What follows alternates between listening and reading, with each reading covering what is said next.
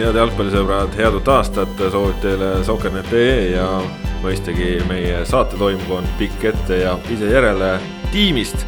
täna oleme kogunenud äh, aasta esimesel juhul võimalusel siia ikka selleks, et rääkida jalgpallijuttu, rääkida selle aasta äh, senist kõige tähtsamat jalgpallijuttu, sest äh, eelnevatel päevadel väga palju seda rääkinud ei ole, vähemalt mitte saates ja täna räägime aktuaalsetest asjadest ehk siis premium-liigast, kuna klubid siin ühtepanu järjest hakkavad asju korraldama.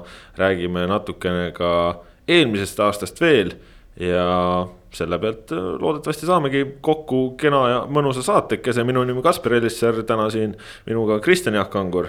tere ja head uut aastat, võime vist kohe öelda, et tuleb aasta seni parim saade kindlasti tuleb ta parim saade ja, ja mõnes mõttes ta tuleb ka märgiline saade või kõva tähendusega saade, sest äh, meil on siin ka Ivar Lepik. Äh, ütleme siis äh, senises rollis viimast korda. ja tere ja head uut aastat. no mehed, kuidas aastavahetus läks? kui palju oli saluuti, kui palju oli muud, kui palju oli jalgpalli, Ivar?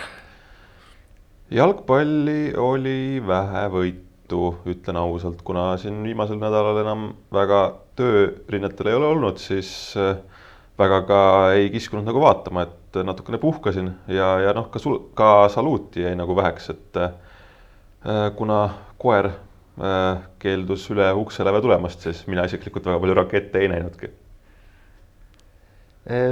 jah, ega nüüd aastavahetusel võib jalgpallist natuke puhata ka selles mõttes, et ei, kui sa aastavahetuse kohta küsid, siis püüdsin jalgpallist natukene korraks taanduda, aga ega see väga pikaks ajaks ei õnnestunud, ma ei tea, kas ei tulnud vist kahekümne nelja tunnist pausi ei õnnestunud sisse teha, et Hispaanias lõpetati ju, piinati mehi seal, seal veel viimasel päeval, aasta viimasel päeval ja, ja läks Inglismaal juba uuel aastal kohe jälle karussell edasi täie hooga, aga noh. saluudi võib ütleme, hinnata sellise tugeva neli plussiga, et, et arvata võis, et natuke rahulikum aastavahetust on kindlasti nii nagu see aasta oli, nii ka aastavahetus. ebatavalisem ehk et ütleme, et olude sunnil tuleb selliseid suuremaid seltskondi vältida, aga, aga loodetavasti saab see jama õige pea mööda ikkagi jah, ka endal möödus aastavahetus tubastest tingimustest, eks sai läbi akna vaadatud saluuti ja ja, ja selle arvelt siis võib-olla ka minimeeritud enda ohte, et käes võiks mõni rakett plahvatada, nagu mõnel äh, tuntud jalgpalluril juhtus.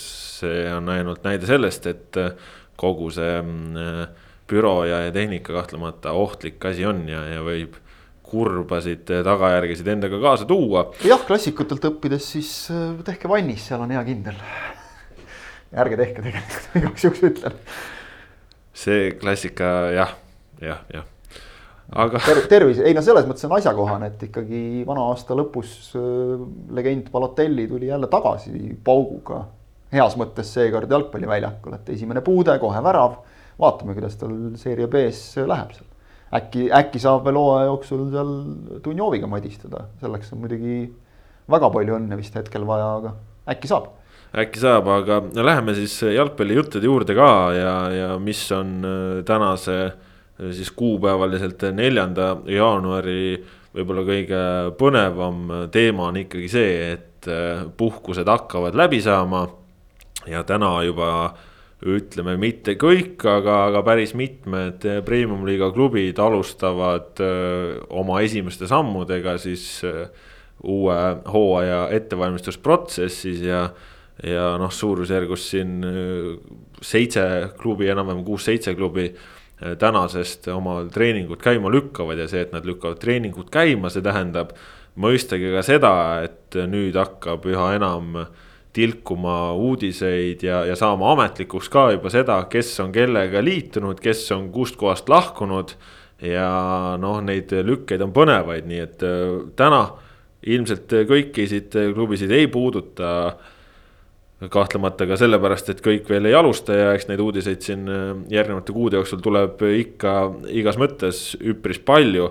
aga keskendume täna mõnele üksikule klubile ja, ja kellest täna ei räägi, siis nende kohta kindlasti saate noh, kui mitte nüüd ja täna veel Sokkernetist lugeda, siis, siis lähipäevil kindlasti aga, aga räägime Paidest, kes on ikkagi noh, jõuliselt valmistunud algavaks hooajaks ja ja nüüd ikkagi kohe aasta esimestel päevadel ka olulised uudised, pühapäeval teatati siis, et ametlikuks on saanud Hindrek Ojamaa viimased aastad Soomes pallinud, eelmisel hooajal Argo Arbeitri käe all KTP-s pallinud paremkaitsja või noh, vajadusel ka vasakkaitsja.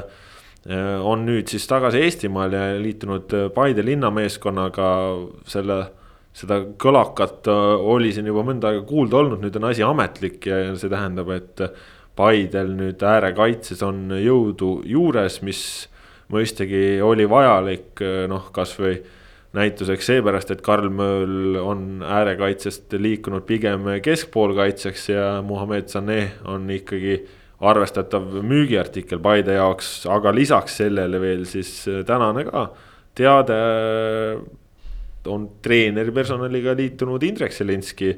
koondise üks aegade suurimaid ründajaid, üks resultatiivsemaid mehi, kes ju ka tegelikult äh, viimast treeneritööd tegi samuti Soomes Argo Arbeitri käe all, KTP all ja.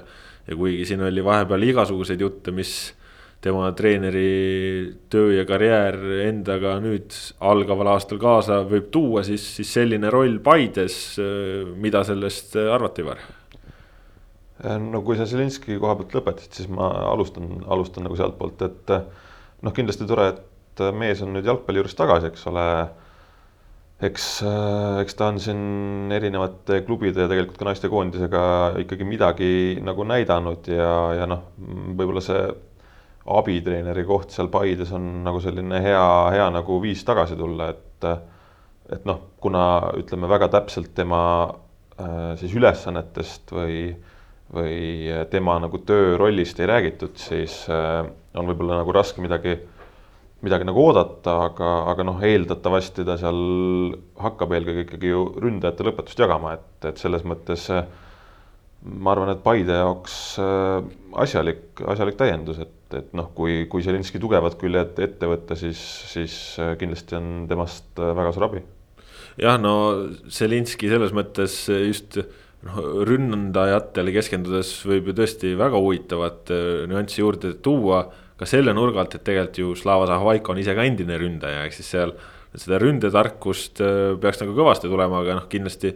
Zelinski plussid võiksid olla ka ikkagi pigem selline konkreetsus, nõudlikkus, kõik see, mis, mis on niigi juba juba Paide treenerite tiimis olemas, aga, aga noh, nagu ka Zahavaiko täna ise ütles, siis, siis ütleme, et ei saa leppida sellega või, või ei saa lasta tekkida ohul, et, et nad võiksid paigale jääda, vaid äh, peab tulema uusi nõudmisi juurde ja, ja kindlasti lisamees seda annab. jah, kindlasti ja, ja noh, kui Ojamaa ka juba siit äh, läbi käis, siis äh, noh, kahtlemata huvitav täiendus, et ei ole küll ilmselt äh, parim paremkaitsja, kes äh, sellel talvel Eesti liigasse tuleb, mõeldes Taio Tõnistele, eks ole, aga, aga noh, potentsiaaliga mees äh, kindlasti endiselt ju tegelikult kakskümmend viis. ja, ja noh, tegelikult on isegi nagu natukene kahju, et ta noh, asjaolusid ei tea, eks ole, aga, aga kahju, et ta Soome ei jäänud, et Soome kõrgliiga oleks olnud selline hea proovikivi ja, ja võib-olla siis ka noh, ei taha Paidele liiga teha, aga suurem avaldus koondise uksele koputamiseks, et jah, ma mõtlesin just sama asja täpselt seda Zelinski uudist nähes, et äh, Paide ründajatel nagu nüüd küll said argumendid otsa, et äh, meil ei ole trennis näidatud, kuidas väravaid lüüa või midagi sellist, et kui sul on Zahvaiko ja, ja Zelinski seal, siis, siis peaks nagu seda tarkust jaguma küll, aga selles mõttes ka loogiline samm, et äh, Erkki Keskküla on ju noh, olnud ka seni duubli peatreener ma, ma loodan, et ta, et ta jätkab, seal juttu oli ka nagu treenerite tiimi täienemisest, nii et ilmselt mitte mingist vahetusest.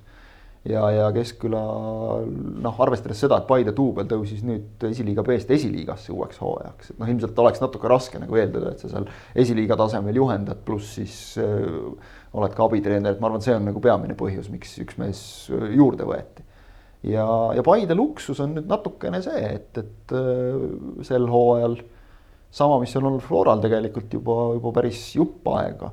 et, et su tuumik on ikkagi koos, et sa ei pea hakkama meeskonda nagu täielikult ümber kujundama, et noh, ütleme ilmselt kõige suurem küsimärk praegu on Henri Anieri kohal, et, et kui nagu tema allkiri kätte saadakse, siis võib ikka väga rahulikult juba nagu uuele hooajale vastu minna, siis on kõikides liinides sul nagu selged liidrid olemas.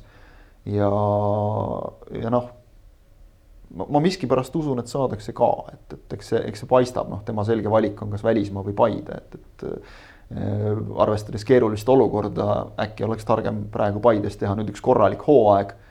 eelmise hooaja statistika oli väga võimas aga et nagu Paidel noh, käib selline siit-sealt väike timmimine, see Ojamaa lisandumine täpselt sinu kirjeldatud noh, pilti ka niimoodi mahutub just ilusti, et sa ei pea enam ütleme äärekaitses Edgar Tuuriga lappima mingeid kohti, et Tuur saab mängida rahulikult äh, ääre peal, kus on tema põhikoht. Karl Mööl saab mängida kõrgemal, nii nagu talle tegelikult meeldib mängida, nii et, et noh, see kõikide asjade natuke paika loksutamine, see võiks just viia Paidet sammu võrra edasi, mis tähendaks siis sammu Florale veel lähemale jah, sest no tegelikult, kui me vaatame kasvõi sellele nüüd siis möödunud aastale, siis ju Paide noh, pani ju tegelikult juba aasta alguses äh, väga kõva töö nii-öelda viljadena maksma, et äh, mäletan seda hooaja algust, seda esimest mängu Kaleviga, kus nad.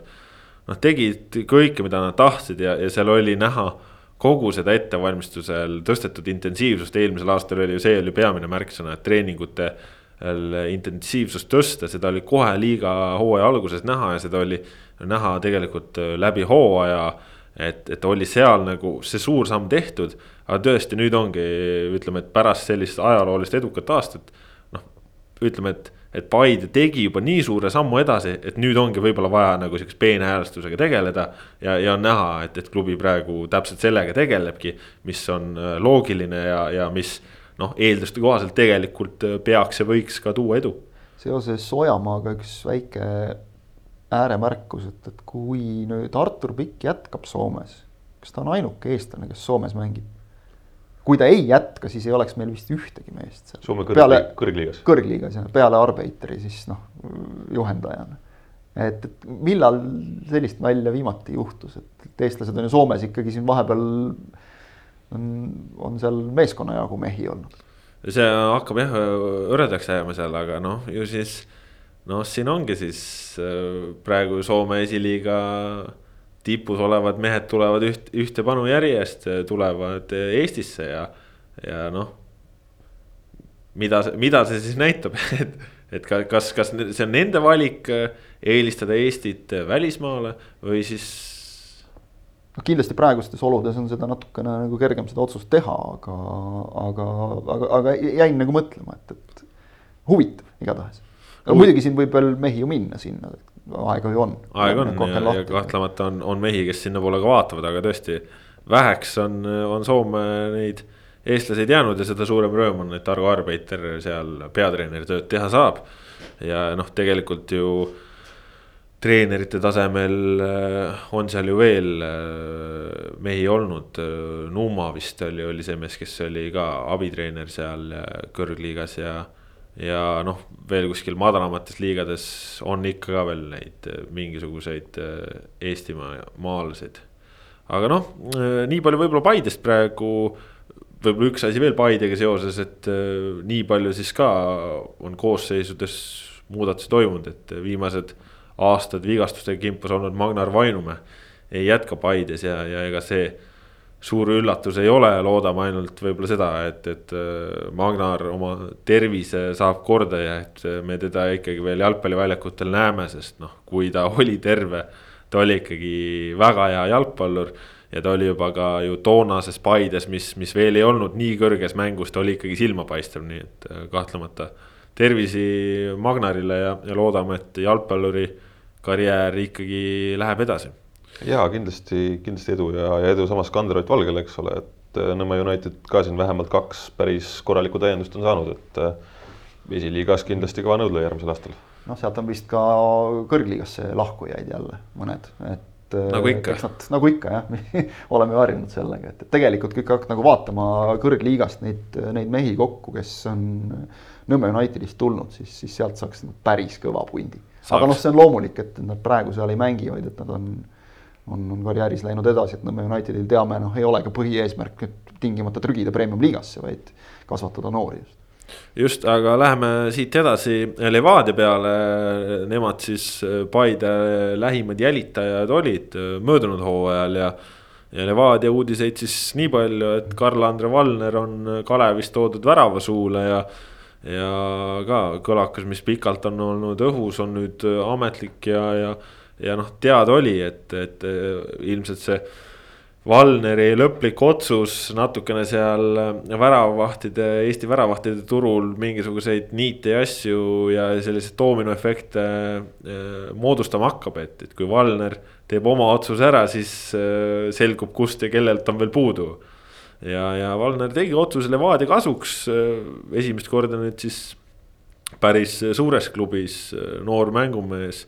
U kakskümmend üks koondise väravavaht ja Kalevis noh, ikkagi väga korraliku hooaja tegi, mis siis, et Kalev langes liigast välja, aga, aga Valner noh, ikkagi suutis silma paista selles võistkonnas ja no eks võib-olla tema jaoks siis ka uus ja huvitav roll ongi see, et, et kuidas harjuda siis sellise teistsuguse mänguga, et kui sa Kalevis saad väga-väga palju tööd, siis eh, Levadias see töö hulk tõenäoliselt väheneb aga seda tähtsam on äh, kontsentratsioon ja, ja see õigel hetkel nii-öelda säramine, et kindlasti noore väravai arengu mõttes väga nagu oluline samm, eriti kui sa saad õppida Ain Tammuse käe all ja, ja Artur Kotenko kõrval.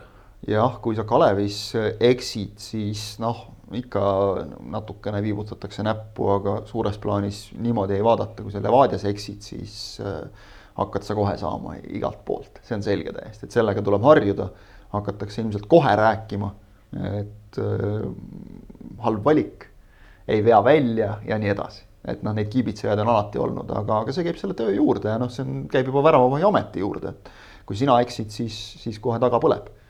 et äh, jah, tuleb harjuda ja, ja on kellelt õppida selles suhtes, et, äh, et, et see hea kooslus Levadiale, ma ütleks et, et kindlasti ma olen üsna kindel, et Valner alustab hooaega ja samas Levadia jaoks ka selline üsna turvaline seis, et, et noh, kui, kui tõesti peaks juhtuma, et, et ei vea välja, milles ma küll isiklikult väga kahtlen, et, et ma usun, et Valner veab välja, siis on alati Kotenko võtta. ja, ja noh, Kotenko, kes on niikuinii juba siin, ma ei tea, mitu korda poole kohaga juba peaaegu loobunud ja, ja läinud juba treeneriks ja ikkagi tulnud tagasi ja näidanud, et klassi tal on, nii et, et jah, Levadia jaoks see on, ma arvan, väga okei seis ja, ja, ja noh, ma saan aru, et Levadia treenerid hindavad kõrgelt ja, ja noh, ütleme, et Levadia puhul ükskõik, kes tuuakse väravavahiks, siis seal on juba see kvaliteedimärk juures, et Levadia spordidirektor on järelikult selle mehe heaks kiitnud, siis ta kehv mees ei saa olla. Ja, te, ja tegelikult on, on võib-olla huvitav isegi see, et Levadia sellega tegelikult võib äh, radada või rajada siis omale alust äh, päris pikaks tulevikuks, sest seni on Levadia kasutanud pigem kogenud väravahte äh, noh, Leppmetsad, Šmiškod, Pareikost siin rääkimata. et, et pigem on olnud nagu sellised kogenumad tüüpi, aga nüüd ikkagi väga noor väravavaht ja, ja selles mõttes väga huvitav, huvitav näha seda. No siit muidugi võib ka siis ütleme teistpidi vaadata, et kui Valner ikkagi no oma Kalevi esituste põhjal kui ta tuleb ja Levadias ennast siis ikkagi esiväravahiks kinnistab ja, ja taset näitab, siis äh, see on nagu ka koht, kust samme edasi teha, nagu ütleme, Kotenko oleks siin viisteist aastat tagasi, et et noh, kui pikaks see tuleviku kindlustamine nüüd tingimata on, aga, aga kindlasti ma arvan ka, et Levadiale, Levadiale hea palkamine ja ja hea, hea samm ka Valnerile endale, et vaatasin just siit protokolli välja, mäletan ise olin kohal märts kaks tuhat neliteist, Valneri debüüt Levadia vastu. Premium-liiga debüüt, null kaheksa mõni mees veel on, kellega saab natuke rääkida sellest mängust võib-olla, et. vaatangi kohe, et ega siin tegelikult. väga palju pole. väga palju ei olegi kedagi. Kruglov mängis väljas. mõned jalgpallurid on küll, et, et noh, kes veel tegevad, aga Levadias ei ole siit kedagi. ja, ja ka Kalevi poole pealt noh, siin ei ole vist ühtegi premium-liiga tasemel jalgpallurit peale Valneri enam alles, et.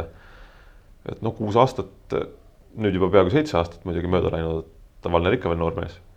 päris muljetavaldav kahtlemata, aga Levadiast on, on rääkida ka teiste nurkade alt, ehk siis äh, välismaalased on, on läinud ja, ja välismaalastest ainult Igor Surahovski praegu lepinguga on, Kando ei saadud ikkagi siis kokkuleppele ei jääda, kuigi klubi soovis Kando jäämist, Kando ise rääkis, et tahaks jääda, aga, aga lõpuks läheb ikkagi Euroopat avastama.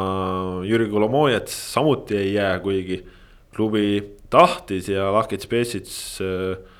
noh, kelle jätkamise osas väga palju pole juttu olnud, temagi läks ära, nii et. no oleme ausad, tema saabuminegi oli mõne jaoks nagu. no kiirelt tulnud, kiirelt läinud. tema lahkumine oli mõne jaoks üllatus selles plaanis, et, et ah, selline mees oli ka olemas et, et jah, eks ta toodi sellise hädavariandina natukene no, arusaadavalt. selle, selle vedas välja ka. koha ta mängis välja, et selles mõttes kehv mees ei olnud kindlasti. aga, aga, aga see olukord, et nüüd me oleme Levadias, kus ei olegi kandot enam ja sul on noh, vähemalt äh, neli äh, välismaalase kohta on vaba, et äh, Ivar, kuidas sulle tundub, kas, kas siit võib oodata ka ütleme siis mingisugust äh, uudsemat lähenemist, kas, kas soovitakse rohkem rõhku isegi äkki panna veel Eesti mängijatele ja, ja välismaalt siis tuua veel midagi täitsa ekstra, sest noh.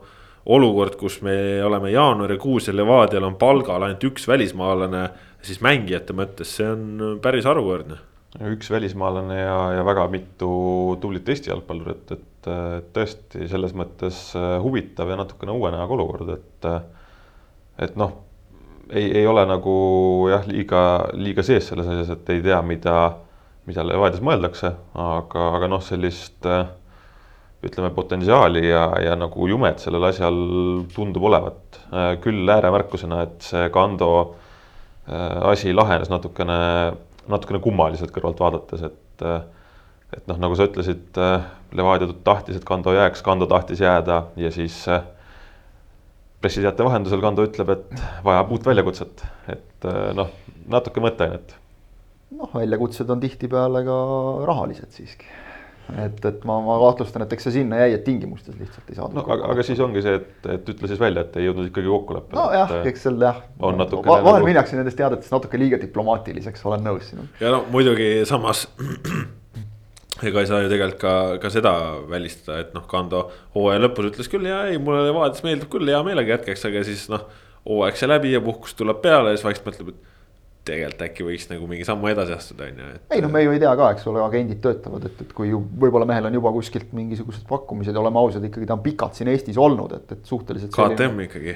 no KTM jah, et aga, aga noh, suht nagu tagumine aeg tegelikult vaadata Euroopa poole, et, et oli, oli, oli tal ju tegelikult olid, olid siin ju head võimalused, eks ole, Venemaa poole vaadata ja. ja, ja kui vana ta endiselt on, mälu järgi pakkus kakskümmend kaks, aga. natukene rohkem. mõni aasta aga... rohkem, aga mitte palju, et, et no, ütleme, et annab, annab veel tegusid teha küll. aga, aga mis muidugi Levadia puhul on selles mõttes nüüd huvitav, et tegelikult neil on, äh, nagu sa ütlesid, eks ole. Äh, välismaalase kohti paljud, palju, palju vabu kohti, äh, samas nad on viimastel aastatel just nende viimase hetke välismaalastega ka nagu päris korralikult puusse pannud. samas on puusse pannud ka muidugi siin Manutšodega nagu noh, kes varakult toodi. Ivari võttis nimi juba pead vangutama aga, aga et, et kui vaatad ründesse on vaja meest ja noh, oleme ausad ikkagi keskkaitsesse on ka vaja meest, Marko Lipp on, on hea mees, aga kahjuks väga palju katki. Et mind nagu väga huvitab, noh, ega see Eesti mängijate turg nüüd nagu liiga suur ei ole ja seal Levadia on teinud küll nagu häid liigutusi selles osas, et nad on oma põhimeestega lepinguid pikendanud no, paariks aastaks lausa ja need mehed nii-öelda lukku pannud, mis on kindlasti väga õige, aga ega nad nüüd juurde ju ei ole väga kedagi toonud, et, et. no mis lippu puudutab, siis ega temaga osas on ju huvi ka mujalt. no just, et, et ega ta ei ole nagu ka sinna naljaga kinni löödud, et, et need positsioonid vajavad ikkagi selget täitmist ja kui nüüd hooaja ettevalmistus läheb juba käima siin, et, et noh, uuesti nagu sama reha otsa joosta, et tood mehe, kes siis nagu ei ela sisse või selgub, et ei olegi nii hea mees. noh, see on natuke sihuke riskantne business jälle, aga, aga näis. kui vana see Kanda lõpuks oli siis äh,? veebruaris kakskümmend neli. no ikkagi et, ühe aastaga panin mööda siis noh, jah, okei okay,, veebruar on kohe lähedal, aga hea küll, jäägu, jäägu sulle see õigus. ei no ma hooaja järgi mõtlen, ma lihtsalt, ma, ma lihtsalt mäletan seda, et ma olen mitu hooaega üllatunud, et kuidas see Kanda ikka veel nii noor on aga noh, see on, see on sama, et kui hakkad Paide välismaalaseid vaatama, siis sa ei jõua ära imestadagi.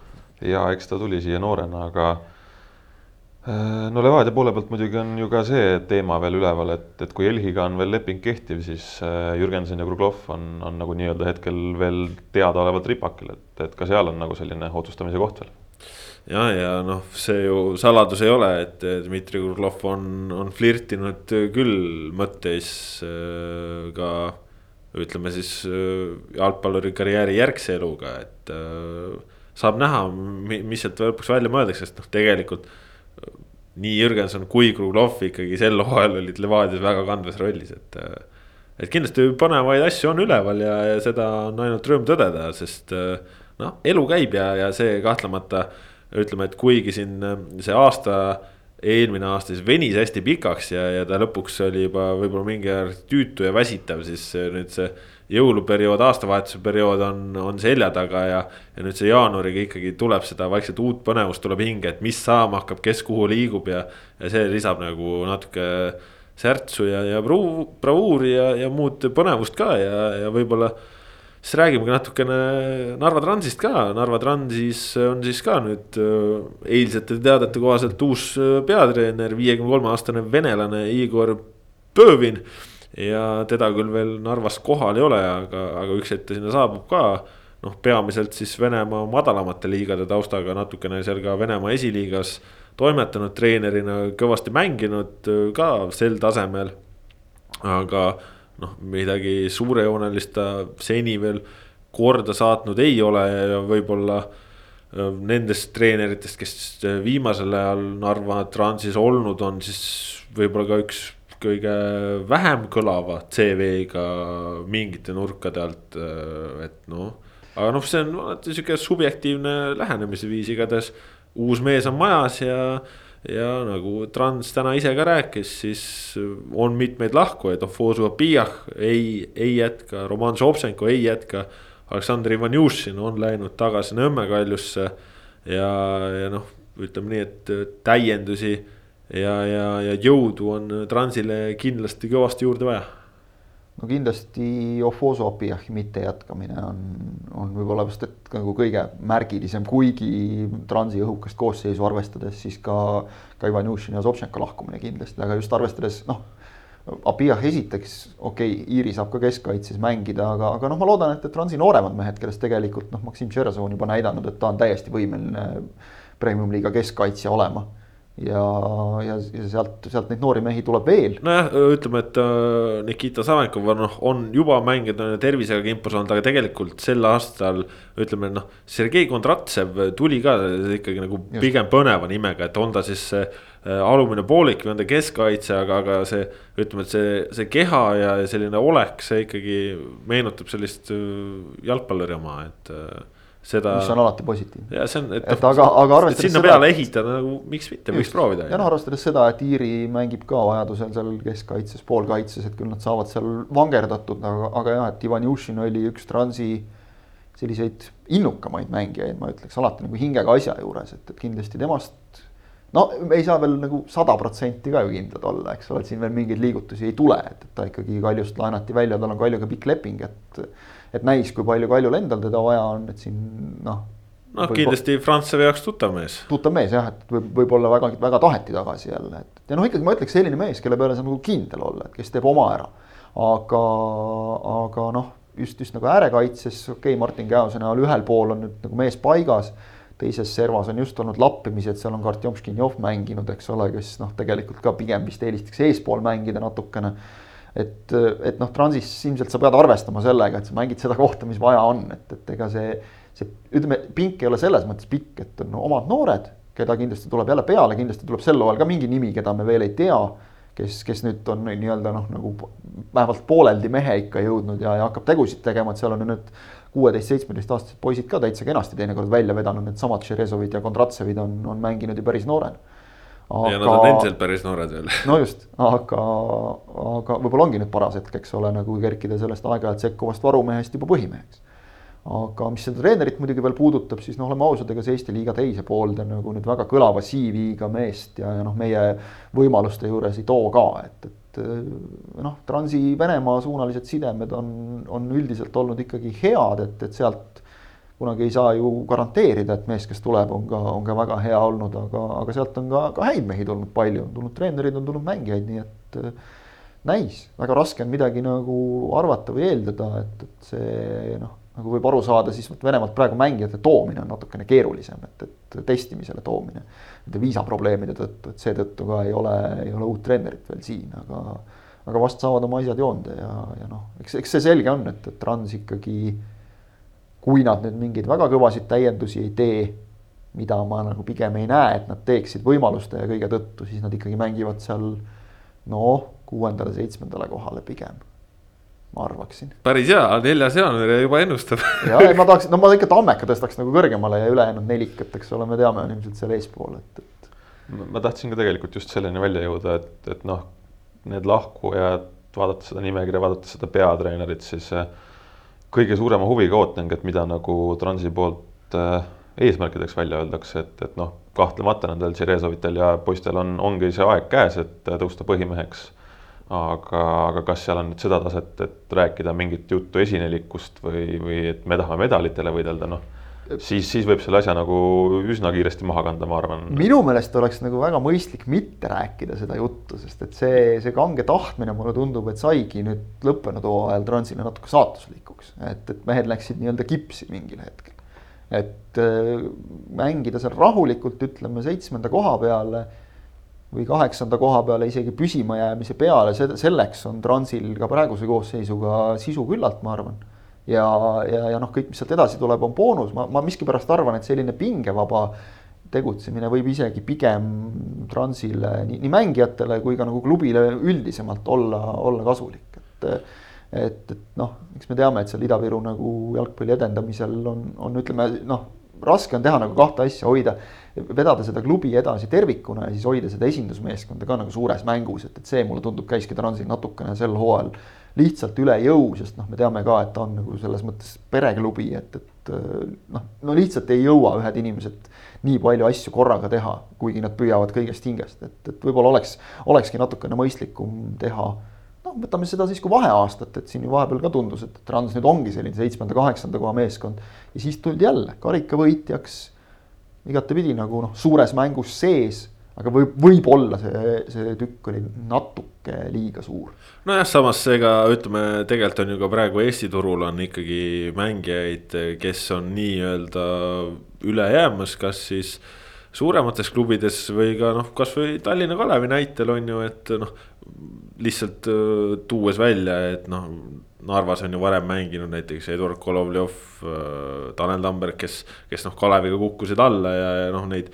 noh, Marek Kaljumaa samamoodi on ju, et, et neid mehi tegelikult äh, kasvõi Kalevi varnast mõned nagu on avanenud ja, ja, ja ka mujalt jah, selles mõttes nagu siin Kristjan mainis, et, et jah, Transil ka sellised vaheaastad siin kümnendi keskel olid aga, aga noh, nüüd ongi võib-olla nagu nende suur pluss vaheaasta mõttes ka see, et tänu solidaarsusmehhanismidele äh, ei ole see eurokoht nagu niivõrd äh, vajalik, et, et noh, mingisugune raha on sul garanteeritud, millega Premiumi-liiga klubi üleval hoida ja ja, ja noh, see on ikkagi, ikkagi nagu oluline seljatagune, et, et just ka Narva mõttes.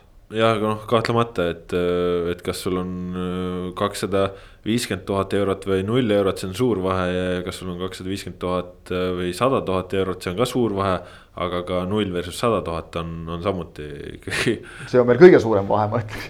just, et, et selles mõttes jah, see on natuke seda olukorda kergemaks teinud ja, ja noh, ütlesid välja ka, et rünnakule ja keskkaitsesse jõudu vajavad ja, ja saame siis näha, mis seal tehakse, noh kahtlemata hea uudis on see, on ju, et Poljakov jätkab ja ja kui sul on seal keskväljal juba ka ütleme, Sakarljuka ja, ja Vadim Mihhailov, siis on juba on, on väga põnev see olukord äh, see selles faasis.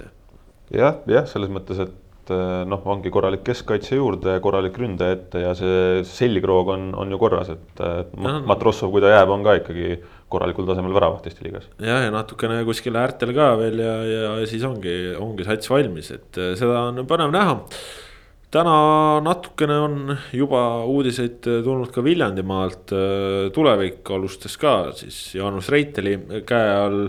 või noh, täpsem on öelda salvestushetkel, et alustab, trenn on alles neil õhtupoolikul. alustavad siis uue hooaja ettevalmistust ja noh, seal Äh, ütleme selles nimekirjas, mis, mis välja käidi, võib-olla huvitavaid äh, seiku nii palju, et ikkagi. et see nimekiri on lühike. et hetkeseisul eelmise aasta välismaalaseid äh, pole ikkagi ühtegi, kuigi noh, seda võis ka ju arvata, aga siin vahepeal ikkagi mingid jutud olid, on ju. siis huvitav ja, ja tore uudis on see, et Herol on ikkagi tulevikuga alustamas. no ja... Herolil peaks minu meelest see laenuleping vist oli vähe pikemaks tehtud, kui ma ei eksi, et, et et ühesõnaga noh, on, on loogiline, et ta seal on, sest et äh, ega ta ju Florasse ei mahu, oleme ausad. ja ei, seda küll, aga noh, tore, tore on, et, et ta seal on ja, ja siis on äh, paar sihukest Eesti noort äh, kuskilt madalamalt, noh, valdavalt Läänemaalt toodud äh, testima ja, ja testimas on ka mõned Aafrika poisid, et äh, noh, ega nende kohta siin väga palju pole mõtet rääkida, aga, aga noh ütleme nii, et. ütleme nii, et mõnda meest neist äh, uutest on, on Viljandis juba nähtud, et, et nad ei ole nüüd, nüüd praegu tulnud, vaid nad on juba natuke aega olnud, et see nagu lisab ka võib-olla sellist kindlust, et, et noh, klubi teab, mis mehed nad on. see on nüüd jälle see koht, kus eelmisel aastal ka hirmsasti pandi Viljandile puid, et noh, muidugi nad panid ise puusse ka selle välismaalaste valikuga. kui ütleme tõesti Marko Puuditši kõrvale jätame aga, aga noh, jällegi arvestame seda, et mis vahenditega opereeritakse, et, et tuleb leida kuskilt ja loota tõesti, et noh, umbes a la võtta neli-viis meest ja loota, et ühega läheb õnneks. et äh, ega, ega need Paidel ka esimeste välismaalastega nagu kohe ei, ei vedanud, et nüüd viimastel aastatel on, on tekkinud need sidemed, mille pealt siis saab, saab, eks ole, juba praktiliselt tuua mehi, kes, kes kõik mängivad koha välja et, et ega see õnnestumisprotsent noh, ta ongi ajaga kasvab. et seal minu teada Viljandis noh, on veel mõnigi mees, kellel on ka nii, et noh, klubi poolt on pakkumine tehtud, pall on tema käes. kuidas otsustab, on, on tema teha, aga, aga natukene praegu ütleme, silma torkab, et, et lühike see nimekiri on igatahes, aga ma usun, et Viljandis on ka jällegi see, et, et mingil hetkel tekivad need mehed kuskil pealinna klubides, kes, kes ikkagi näevad, et, et nad ei mahu võib-olla koosseisu üldse ja, ja, ja duublis mängimise, esiliigas mängimise asemel proovivad Viljandis. kahtlemata neid uudiseid tulla võib, aga tõmbame praegu Premium-liiga juttudele joone alla, nagu öeldud tuleb ka teiste klubide kohta jutte ja, ja neid jutte saate kindlasti Sokkernetist lugeda ja kindlasti ka järgnevad podcast'id esmaspäeviti ikkagi lahkavad seda, mis, mis premium liigas on vahepeal toimunud, nii et kindlasti ka teistest klubidest juttu tuleb. täna siis said mainitud need neli Eesti vutiklubi, aga Eesti jalgpalliga seoses on ikkagi nädalavahetusest ka, ka ajalooliseid sündmuseid välja tuua ja ja Rauno Sappinen võitis siis hõbepalli kahekümne kuuendas edasi, et oli üksinda kogu esikolmikus. ja, ja tegelikult siis ajaloolisem sündmus selle kõrval on ikkagi see, et Eesti Jalgpalli Ajakirjanike Klubi andis välja esimese Annika. mis on siis äh, naiste koondise aasta kaunima värava eest ette nähtud ja, ja auhinna nimetus on siis saanud inspiratsiooni ammu, ammu aega tagasi, aga, aga väga õnnetult liiklusõnnetuses hukkunud äh, koondise toonase kapteni Annika Tammela mälestusest ja talendist. Äh, Kristina Pannikova, selle võitis Pannikova ka sai selles mõttes auhinnatseremooniale tulla lihtsa teadmisega, ta teadis, et tal konkurenti ei ole, kaks väravat naistekoondis lõi, mõlemad Pannikova ise lõi, ühe siis Fääri saartele võimsa soolo järel ja teise Lätile otse nurgalöögist, Läti värav äh, siis osutus võitjaks, äh, noh. kuidas teie siis hääletasite, mõlemad jalgpalliklubi liikmed, kas hääletasite ka Sappineni ja Pannikova poolt ja kui jah, siis milliste väravate? jah, ikka, ikka, et äh, Frank Liivak lõi küll väga ilusa penalti ja, ja Pavel Marin sai ka hästi jala vastu, aga ikkagi Sappinenile hääl läks ja, ja noh, Pannikovaga oli lihtne, aga aga ütleme noh, Sapineni puhul oli ju selge, et, et sa sellise maasika taha risti keerutad, nagu ta Põhja-Makedooniale lõi Skopjas, et noh, siis nagu küsimusi ei ole. no ja et ma, ma säutsusin juba toona, et hõbepall välja antud. no seal vist hõiskasid kõik sel hetkel umbes, et hõbepall tehtud, aga, aga Pannikova puhul muidugi oli jah, selles mõttes huvitav, ta ise hindas oma seda Fäärisaarte väravat tegelikult paremaks, et noh, oleme ausad, see olümpiavärav nurgalöögist lüües, et seal on alati õnne ka, et, et seal keegi segab väravavahti, noh, see, ikkagi eeldab nagu mingit teatavat väravavahi eksimust, kas kohavalikul või siis noh. üliharva on see, kui sa suudad selle taha risti kuskile keerutada nii, et tõesti ei ulata, et ta täpselt kukub sinna. Ja, ja isegi siis ma ütleks, et ikka läheb natuke väravavahi kraesse, aga noh, ta näeb ilus välja ja, ja. ta on ikka nii era, erakordne ka. just, et, et ma, ma nagu ei näe üldse probleemi, et, et miks ei võiks, et noh, see on nagu igipõline vaidlus, et, et mõne jaoks ainsad kaunid väravad tundub, et on ilusad kauglöögid, et hirmus pomm taha risti, siis on ainuke õige värav mulle isiklikult näiteks on alati meeldinud ka väga kombinatsioonid, selle tõttu mul oli väga hea meel, et, et eelmisel aastal Siim Luts sai, sai hõbepalli, et kus ta tegelikult pani jala vastu lihtsalt, et tema roll oli nagu väga väike, aga see, kuidas see värav sündis, see oli jällegi väga ilus, et mulle meeldis, et seda tunnustati. noh, okei okay,, võib-olla valik oli ka hõre meil natukene ka, ka, ka siis paraku, aga, aga noh see on alati selline, et ta ütleme, minu maitse jaoks need valimised alati kütavad natuke rohkem kirgi, kui peaks, et noh, see kõik ongi subjektiivne, ilu on vaataja silmades bla, bla. blablabla, kõik muud klišeed. aga, aga ütleme nii, et, et noh, mõlemad olid nagu selle hõbepalliga nagu auga välja teeninud.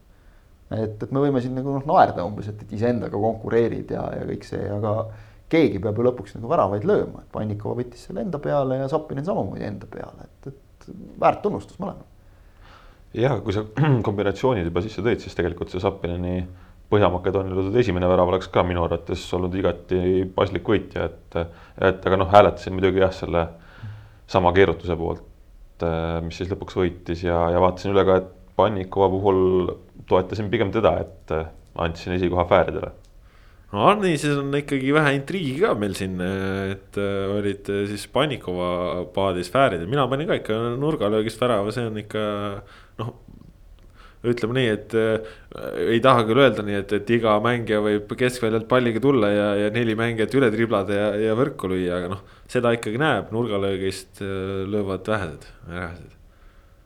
no vot tihti minu meelest nende ilusaimate väravate valimisel loeb nagu ka see emotsioon et, et noh, just see üllatusmoment et, et see, see tihti, tihti mängib, et, et noh, äge on, kui lööb ka mõni mees, kes või, või naine, kes, kes muidu ei löö eriti, et, et see on ka nagu. ma enda, enda, enda emotsiooni selle Läti värava osas mäletan küll väga hästi, sai, sai, sai seda mängu kommenteeritud äh, ja, ja oli üllatuslik. siis mäletavad teisedki vast. oli, oli üllatuslik, ütleme nii, et äh, kuigi mäletan, et saigi, saigi seda Fäärid mängu sai vaadatud, aga, aga noh, see see Läti värav, see oli hea, ta andis äh, mõnusat energiat ja, ja noh, ega jah, Sapineni osas seal ka tegelikult oli jah, siin juba mõnel pool on juttu ka olnud, et, et kuidas seal need öö, äh, mõned väravad, äh, kuus tükki oli, et kuidas seal kõik need väravad üldse hääli said ja nii, siis noh, igaks juhuks me siin ütlesime küll, et, et kelle poolt me hääletasime, aga tegelikult jalgpalliklubi liikmed siis kõik pidid valima esiviisiku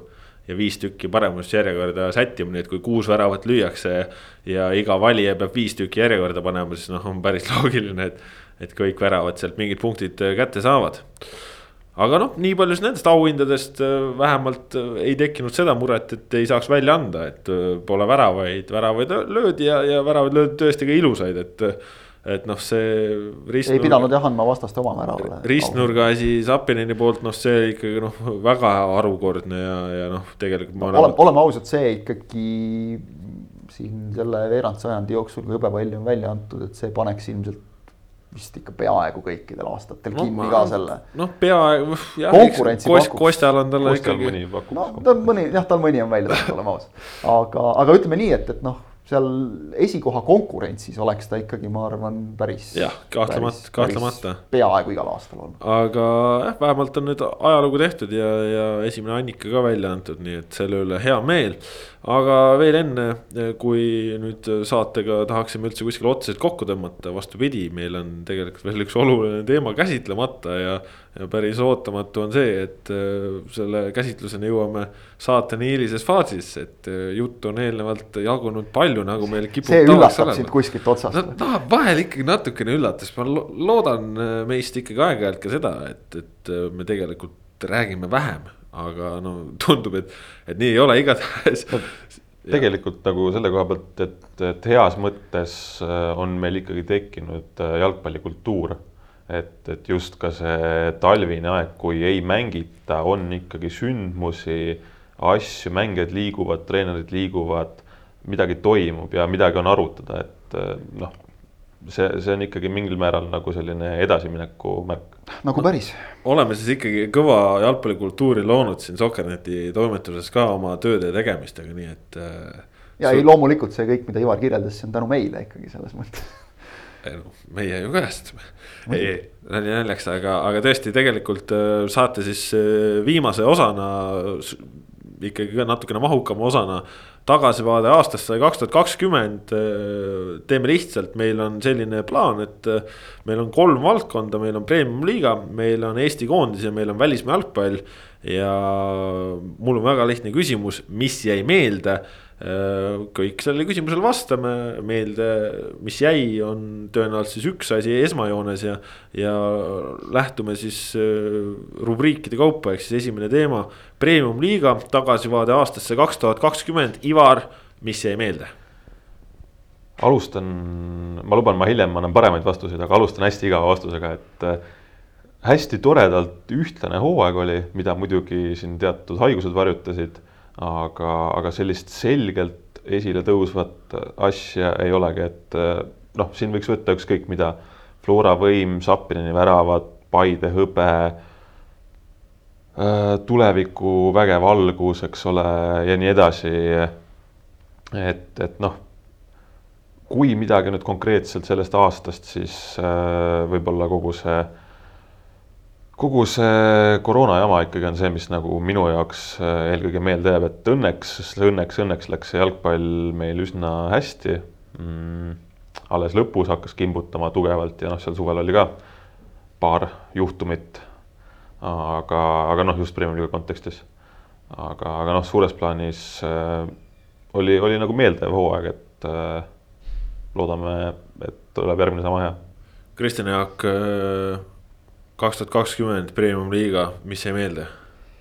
ma selles mõttes kaldun natukene sinnasamasse, mida, mida Ivar kirjeldas, et äh, võib-olla see ongi hea, et, et see nagu tundubki rutiin, et kui hakata niimoodi ükshaaval üles lugema, paneks võib-olla sinna juurde siis Kalevi lõpuspurdi ja, ja kõik, kõik muud sellised asjad. et, et oled nagu tegelikult juba harjunud, et premium-liiga ongi põnev et, et kui sa nagu vähegi vaevud süvitsi selle sisse minema ja, ja, ja noh, need mängijad hakkavad sulle korda minema, eks ole, ja, ja need treenerid ja need klubid. et siis, siis ongi põnev, elad nagu kõigile kaasa, et, et noh, isegi ka, ka ütleme näiteks Narva Transile, et, et kuidas nad välja tulevad oma jamadest ja et, et kas Leegion saab ennast käima ja. ja, ja noh, kõigile, kõigi, kõigi puhul on midagi, midagi omanäolist ja midagi huvitavat. ja, ja, ja samas mul on miskipärast nagu üks mõtlesin enne saadet ka, et mis, mis nagu oleks üks mingi hetk ja mingi mälupilt, mis tuli meelde. see oli aeg, kui publikut veel ei lastud kevadel öö, staadionitele, juba mängiti. maikuu ilm oli ilus, kui mälu ei peta, oli maikuu vist. Paide ja, või Nõmme Kalju Paide mäng Hiiu staadionil kus siis nii nagu siin, siin kevadel oli, olid ju varumeeste pingid viidud ka teistesse kohtadesse natukene ja viidud siis ka, et, et hoida neid nagu ajakirjanikest eemal siis nagu teisele poole väljakut ehk Hiiu staadionil siis tribüüni poole. ja, ja, ja, ja istusid siis, mängijad istusid seal, mis tähendas seda, et varumeeste pingid olid reserveeritud või üks neist vähemalt oli, oli reserveeritud ajakirjanikele. päris omapärane oli, kuigi olen ju Hiiu staadionil kümneid kordi kommenteerinud keskjoone juurest mängu ja, ja, ja mõtlesin noh, ka, et mis seal nagu nii väga erilist on aga, aga selle nurga alt ei ole ju saanud kunagi mängu vaadata selle koha pealt. ja, ja oli jälle huvitav, et see on, see on vahel põnev, et, et noh, siin Lilleküla staadionil kasvõi, et, et kui, kui teinekord satud kuskile päris ülemisele korrusele ja vaatad nagu sealt või vaatad kuskilt nurga pealt lihtsalt alla staadionile. kasvõi teiselt korruselt viisab, see on täiesti teine maailm. ja, ja huvitav oli korraks nagu panna ennast nii-öelda nagu noh, treeneri positsiooni et, et kui sul tegelikult seal nagu paljud asjad karistusala juures, mäletan, Paide alustas kohe väga aktiivselt seda mängu, et näiteks vaadata Siim Lutsu tegutsemist. kes oli siis väga heas hoos, mingid vigastused teda sel hetkel ei seganud. ja, ja kuidas noh, kuidas tema klassi oli näha. ja oli näha hoopis lähemalt, kui seda muidu näeks ükskõik kust mujalt nagu oma, oma silmaga, sest et see, selle koha pealt sa tavaliselt seda jälgida ei saa tihtipeale. Et, et see, see oli, oli, oli nagu huvitav, et just noh, ikkagi mingid sellised natukene erilised hetked. no kui mina mõtlen äh, esimese asjana, mis mul premium-liigaga seoses äh, pähe tuleb või meelde jääb, on, on ikkagi see täiesti teistsugusel tasemel komplekteerimine ja no siin on solidaarsusmehhanismidel oma roll, sest äh, noh, ma lihtsalt mõtlen näiteks Tallinna Kalevi peale. Ja kui meil on liigast välja kukkuv sats ja seal on esiründaja Hannes Annier, kes lööb üheksa väravat selle võistkonna kapten on Marek Kaljumäe, kes on mänginud Soomes, Levadias, Hollandis on ju. kui sa mõtled, et seal on, tuuakse juurde Pavel Tõõmov, kes on koondiseski olnud. noh, Eduard Kolovjov on konkreetselt äh, täielik varumees see oli äge ja, ja eriti noh, seal ongi veel klubis on ka sellised enda noored, ma ei tea, Martin Vetka, kes, kes liitub AS Roomaga, siis kui sa mõtled selle peale, et sul on premium-liiga tagumises otsas on satsid sellised, kus on tõesti nagu väga ägedaid ja, ja nagu vingeid jalgpallureid. siis see minu jaoks oligi nagu uus tase, sest noh, tihtipeale on ikka olnud nii, et noh viisakalt öeldes need premium-liiga tagumises otsas on noh, mingid jukud on ju ja, ja noh, eks nad mängivad jalgpalli ka nii hästi kui oskavad, aga, aga noh, sellega asi ka piirdub aga, aga nüüd tõesti, et see komplekteeritus noh, ongi, et sul tuleb esiliigast, sul tuleb äh, sats ülesse Leegioni näol kes kohe tahab no ikka väga ambitsioonikalt lajatama hakata, sul on seal Šleinid, Nesterovid, Kuuševid, Sidorenkovid, noh. Dmitrijevid, Andreevid, noh, you name it, on ju. et äh, see jäi ikkagi mulle meelde ja see, et see premium liigal oli nüüd ikkagi see professionaalne hõng juures, see, see lisas ikkagi väga palju juurde ja, ja see oli tõesti äge. ja, ja see tegi selle kompoti kõik ikkagi ühtlasemaks, et no kasvõi seesama, et. Et Viljandi tulevik äh, suutis olla meeskond, äh, kes äh, võidab ainsana Florat, et nad suutsid üllatada koroonapausi järel Paidet, kes tegelikult ju ka oli noh aasta lõikes ikkagi noh, nii võimas tegija ja, ja, ja Paide poolt ka kogu see nende hooaeg on ka kindlasti nagu asi, mis on meelde jäänud. Aga, aga tõesti jah, selline ühtlane kompott ja, ja ongi selle ka seoses, et kui raskeks läks näiteks Transil, kelle koosseis paberil äh, oli hooaja alguses ikkagi noh, väga potentsiaalikas. et äh, ma arvan, need on asjad, mis, mis nagu mulle esimese hooga meelde tulevad ja, ja tõesti on noh, ütleme, et väga põnev on oodata ja näha, äh, milline samm siit nüüd edasi astutakse. Et mingisugune vundament on loodud, aga, aga mida see uus aasta toob, kindlasti väga kihvt jälgida. aga Eesti koondis, läheme Eesti koondise juurde, tagasivaade aastasse kaks tuhat kakskümmend, Ivar, mis jäi meelde? Eesti koondise aasta kaks tuhat kakskümmend võtab minu jaoks kõige paremini kokku mäng Põhja-Makedooniaga, mitte siis võõrsil, vaid kodus üksteist oktoober olin parasjagu puhkusel veel ka. Enne seda oli vahetult äh, see kontrollmäng või noh, maavõistlus Leeduga, mis ei tekitanud liigset usku. ja siis äh, see Põhja-Makedoonia mäng algas selle mm, noh, võib vist öelda küll, et legendaarse Märten Kuuse omaväravaga. ja no sel hetkel tekkis küll korraks tunne, et ma nüüd võib-olla võtan ikkagi selle puhkuse, et, et noh selline sügav, raske ohe ja, ja, ja kõik muu sellega kaasnev. Aga mul on tagantjärele hea meel, et ma ikkagi jäin vaatama, mäng läks korraks nagu päris palju paremaks. siis lõpp muidugi jälle natukene ei läinud paremaks.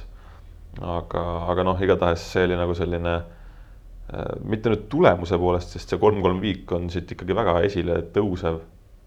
aga, aga just oma olemuselt selline koondise aasta, koondise aasta hea peegeldus, et, et noh kõik, äh, ütleme nii, et kõik läks valesti, mis minna sai, et äh, see oma värav ja, ja siis kolm-üks sõidu maha mängimine veel sinna otsa, et, äh, et noh, see paraku ei olnud koondise aasta, mida väga pikalt meenutada tahaks. Kristjan Jaak, mis sul meelde jäi?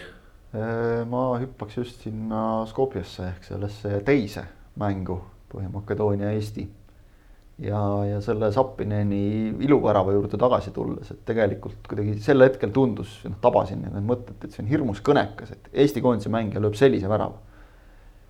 ja noh, eestlased ei ole kunagi need olnud, kes ma ei tea, kas see oli viimane vend, Zelinski oli vist viimane vend, kes särgi, särgi ära võttis ja, ja siis punase sai selle eest, et, et aga vähemalt mees lasi nagu nii-öelda looma välja, et, et et, et noh, okei okay,, neid tähistamisi on siin hiljem ka olnud ikkagi kogu südamest, eks ole, ja rõõmuga, aga vot sellist väravat tähistati no ikka üsna vaoshoitult, et minu meelest see nagu näitas ära ka selle, et, et, et noh, see, see mängijate emotsioon, et sa isegi sel hetkel ei pigista endast, see sidrun on nagu nii tühjaks pigistatud.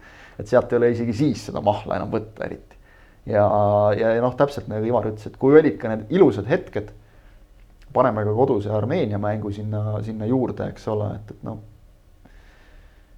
nagu korra nagu lubas ja, ja, ja no siis jälle ikkagi nagu ei tulnud välja kokkuvõttes et see, see kõik oli nagu kuidagi selline nukker tunne jäi, jäi sellest kõigest hinge ja sa samas nagu näed, et võtame siin kasvõi, eks ole, Käit Kreida paari väga hea tegutsemine, aga jälle ühes mängus ja siis jälle mingil põhjusel ka mitte meestest oleneval õnnetud juhused, asjad lihtsalt siis jälle see laguneb. Mitte millegagi ei saanud nagu edasi minna, et selles, selles mõttes noh, ka, ka Karel Voolaiul oli ikka väga raske nagu seda, seda asja vedada, et, et niigi on koondise töö raske, aga koondise treeneri töö. aga nüüd sel aastal eriti, et nii kui tundus, et nagu äkki, äkki nüüd hakkas midagi jooksma, kohe visati mingi uus kaigas kodaratesse või, või siis suudeti iseendale kaigas kodaratesse torgata kuidagi, et, et see jah, selline kuidagi nukker tunne jäi lõpuks ja minu jaoks see selle värava selline nukker tähistamine nagu võtab ka kokku selle kuidagi ja, ja seejuures veel, veel ju ei saa unustada, et see oli siis äh, Skopjas üks-üks värav äh, olukorras, kus tegelikult meil oli veel võimalus olemas, et, et noh, oleks see tulnud seal Itaalia vastu null-neli seisult auväravana, siis veel saaks aru, aga, aga just sellises olukorras. et seal, seal ei olnud nagu üldse seda, et, et noh, nüüd läheme ja paneme, et, et seda emotsiooni ei olnud, et noh, tubli sapi ja, ja noh, saaks koju. Ja, ja nagu see ei ole etteheide mängijatele, vaid see emotsioon lihtsalt oligi selline sel hetkel, selles ajas. Jah, kui mina mõtlen äh, koondise aastale kaks tuhat kakskümmend ja, ja esimene asi, mis mul meelde tuleb, ongi tegelikult äh, lootusetuse tunne, ma ütlen, et äh, see, kuhu me ühel hetkel nagu oma madalpunktis jõudsime, see oli no nii ängistav, nii rusuv, et mina, kes ma nagu oma loomu poolest olen pigem selline äh, optimistlik ja hästi positiivselt alati lähenen ja, ja sihuke entukaga peale ka koondise mängudele ja ikka usud ja et, et äkki nüüd koondis teeb ja üllatab, siis. siis see, kuidas see kõik lõpuks äh, kujunes, see oli noh, see oli masendav ja, ja, ja see tunne ongi, ütleme, et siin hea, et siin sügisel tuli nagu natukene nagu mingisugust arengut, progressi ja, ja nagu head tunnet juurde, aga. aga noh, ma ei ole oma silmaga näinud Eesti koondist võitmas kaks aastat. nägingi viimati seda rahvuste liiga mängu Ateenas, kus Kreeka üks-null alistati ja, ja pärast seda Kataris Soome alistamist ma ei näinud ja, ja Gibraltaril ma ka ei käinud kaks tuhat üheksateist märtsis, et. ja pärast seda ongi ju noh, ainult lakki saadud või, või viiki mängitud ja, ja noh, see päris, päris noh ta on nagu emotsionaalselt kurnav, sest noh. Premium-liiga puhul sa, sa teed ja kajastad ja see ongi lihtsalt üks Eesti jalgpall, aga. aga koondis on nagu noh, seal on sul ka nagu emotsionaalne side, sest noh. ütleme, et me kõik oleme lapsena olnud Eesti koondise fännid ja, ja. Nagu koondise, koondise päev peaks olema, koondise mängupäev peaks olema pidupäev. ja ma tunnistan ausalt, et mul ei ole seda tunnet ikka päris kaua olnud enam ja, ja sellest on kõige rohkem kahju ja see ei ole nagu tingimata see, et, et noh, mehed on süüdi, vaid, vaid kõik see kuidagi kogu see vibe selle ümber on kuidagi nagu natuke ära vajunud vot seda tahaks tagasi, kui nüüd uusaasta soove siin, siin esitada, et, et seda tahaks kuidagi tagasi, loomulikult see publiku puudumine ja kõik, aga see algas juba ammu enne seda koroonat, et see tegelikult ei ole isegi eelmise, vaid, vaid aasta asi, vaid see ulatub juba üle-eelmisesse aastasse, ma usun miskipärast ja ka sarnaselt sinule paadunud optimistina. ma usun, et, et see on tegelikult võimalik tagasi saada mingite päris noh, üksikute heade tulemustega aga noh samas ma olen vaadanud ka meie järgmise valiksarja loosi, nii et. et ma endiselt olen paadunud optimist, aga, aga ütleme nii, et, et kerge see ei ole, aga, aga ma, ma, ma loodan ja usun, et see mingil hetkel see tuleb tagasi, et noh, vaatame soomlasi kasvõi, et ega neil oli ka, oli puhta pekkis oli vahepeal, ütlen otse täiesti ja, ja nüüd järsku tegelikult ka nagu suhteliselt nii-öelda tühjast kohast. kerkisid mõned mehed liidriteks, tuli õige treener, tuli õige hingamine ja tuli nagu kõik, kõik välja järsku. ja et et, et noh, selles mõttes, kui siin mainisid korra ka Karel Voolaidi ja, ja nii-öelda siis, et et noh, tegelikult see, see aasta ongi ju üks suur, mis oleks võinud olla, et, et noh, tegelikult, mis meil oli, oli ju plaan, oli mängida märtsis Uus-Kaledoonia ja Leeduga, siis äh, suvel äh, Balti turniir pluss Soome äh, ja alles siis võtta vastu need tugevamad vastased, et, et, et noh, me tegelikult ju nägime seda ikkagi mingis mõttes ka edasiminekut äh, kodumängudes vähemalt, mis, mis jätsid ikkagi oktoobris nagu sellise vähemalt hea tunde sisse, mis siis, et need tulemused olid viigid, aga aga noh, kokkuvõttes nagu nüüd, nüüd on nii noh nüüd on nii jah, selline see aasta oli ja, ja kahtlemata loodame, et kaks tuhat kakskümmend üks tuleb koondise nurga alt äh, parem. aga äh, tagasivaade aastasse kaks tuhat kakskümmend, äh, rahvusvaheline jalgpall, välismaa jalgpall, mis jäi meelde, Ivar? Minule jäi eelkõige meelde üks jalgpallimäng, mis lõppes seisuga kaks kaheksa. ja noh, osaliselt siis sellele järgnenud äh, Lionel Messi vägikaikavedu Barcelona klubiga, kui seda niimoodi võib äh, nimetada, sest noh, ütleme õigeks veoks seal ei läinudki, Messi enne loobus. aga, aga noh, see, see iseenesest oli ikkagi, ikkagi ma arvan, väga märgiline, märgiline lugu ja, ja võib-olla ka siis lugu, mis aastal, aastal kaks tuhat kakskümmend veel oma lahendust tegelikult ju ei saanudki, et, et äh, tänasel päeval me endiselt ei tea, mis Messist edasi saab ja, ja Messi ikkagi noh, kogu austuses on nad koos Ronaldoga muidugi seal selle põlvkonna ikoonid, aga, aga noh, kahtlemata üks, üks mängija, keda mäletatakse veel ka saja aasta pärast. Kristjan Kangur, tagasivaade aastasse kaks tuhat kakskümmend, mis sul jäi meelde rahvusvahelisest jalgpallist? vast see, kuidas selgus, et Äh, saab mängida just ennekõike eurosarju nagu väga ilusti nii-öelda nagu on moesõna kompaktselt. ehk, ehk ilusti kokku surutuna, ma annan muidugi endale täiesti aru, et äh, rahalistel ja, ja, ja muudel reklaamilistel põhjustel seda ilmselt, kui nüüd koroona taandub ja küll ta millalgi taandub, ei, ei näe jälle lükatakse jälle see nii-öelda laiali võimalikult, sest see on arusaadav, see toob tulu ja, ja noh, see on, see on mõistetav, see on paratamatus. aga see, kuidas mängiti ära meistrite liiga, Euroopa liiga, need finaalturniirid ühemängulistena, saab teha ilusti.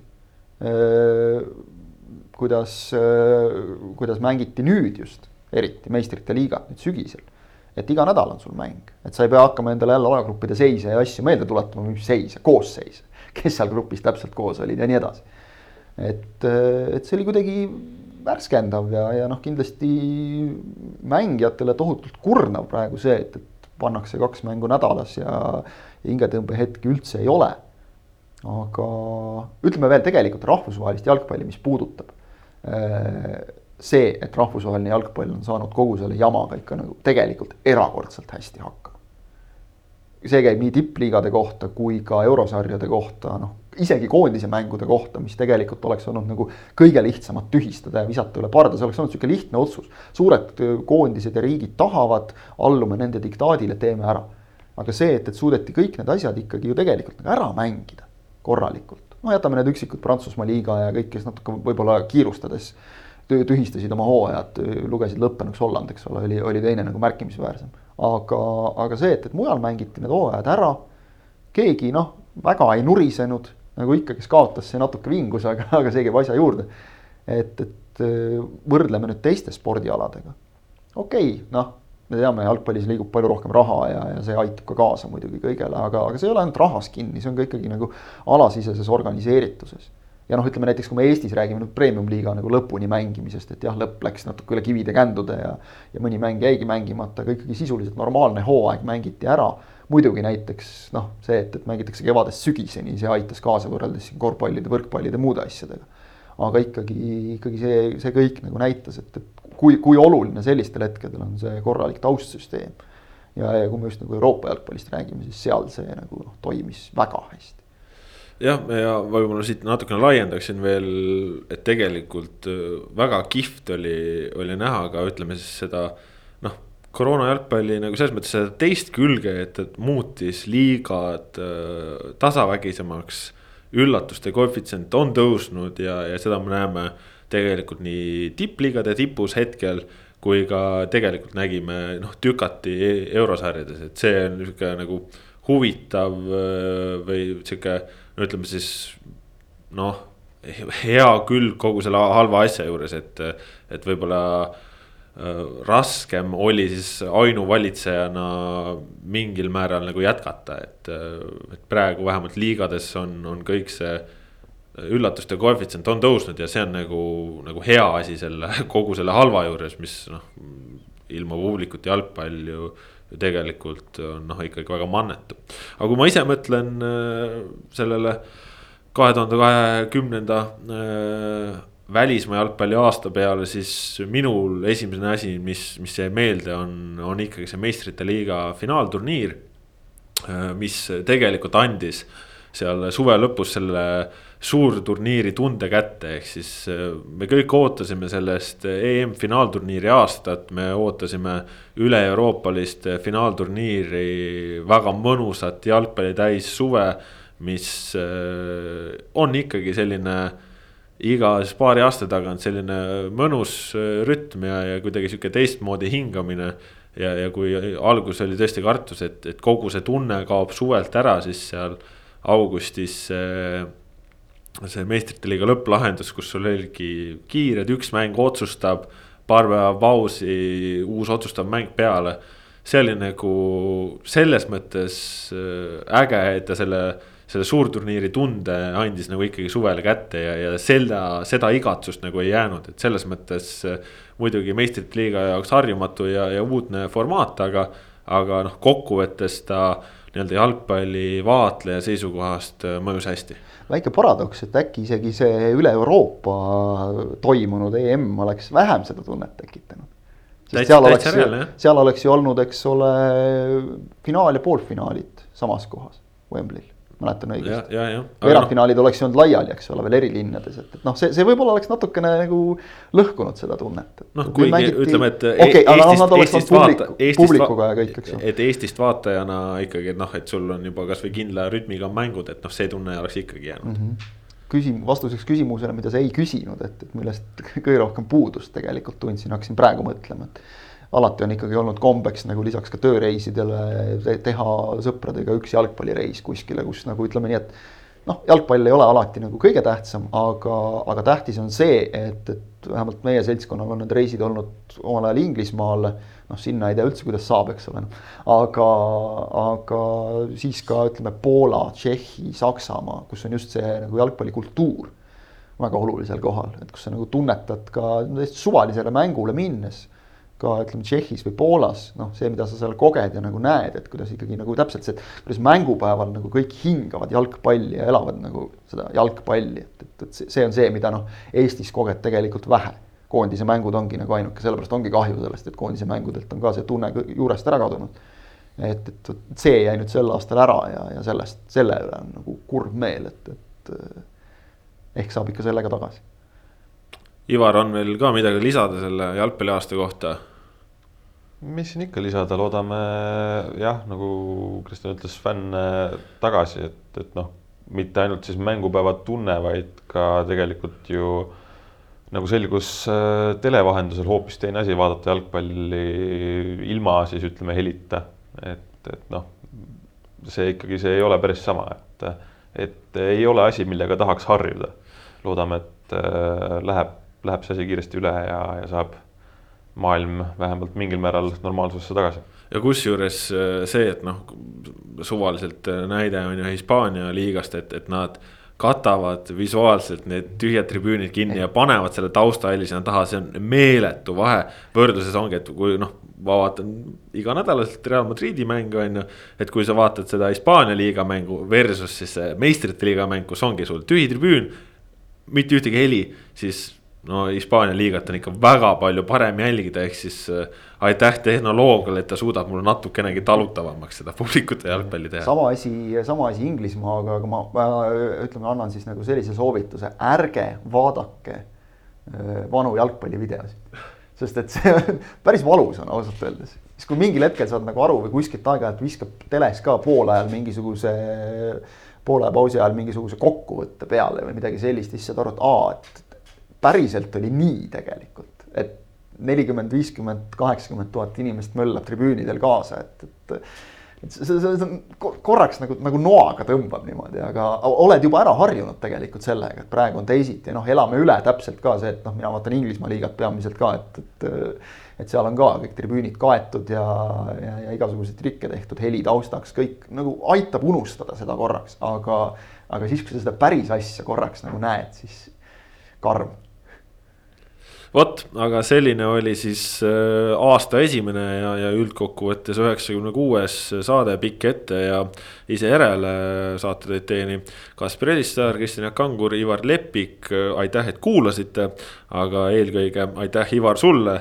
aitäh selle kümne aasta eest Sokernetis, nüüd on siis viimane tööpäev ametlikult selja taga põhimõtteliselt nii võib öelda, kui sa just meil podcast'il veel head pealkirja ideed ei paku, aga, aga tõesti aitäh selle, selle panuse eest ja, ja, ja kõik selle eest, mis sa siia meile toonud oled ja, ja kuhu sa meid viia oled aidanud ja, ja kahtlemata edu uutes väljakutsetes. minu poolt äh, aitäh lugejatele, et, äh, et kellel on olnud kümme aastat teha ja, ja ma arvan, et on olnud päris äh, meeleolukas tee, pikk protsess, nagu öeldakse jah, protsess on olnud hea, igatahes äh, sedapuhku siis nii, loodame, et äh, kaastöö vormis meil veel tuleb äh, ühiseid kokkusaamisi ja, ja kui mitte, siis lihtsalt tribüünilgi saab trehvata ja, ja selleks loodame, et eelkõige, et see viirus ka ikkagi taanduks ja, ja jalgpall saaks toimuda pealtvaatajatele. aga sedasi siis täna kuulake meid jälle uuel nädalal ja, ja enne kui te seda uut saadet ootama jääte, siis ikkagi lugege Sokkerneti, sellepärast et olulisi uudiseid äh, on jagada meil ikka ja jälle premium-liigast. on jagada ka Eesti koondise rindelt, äh, saame omale lõpus ka uue peatreeneri, nii et äh, püsige lainel, kõike head, adjöö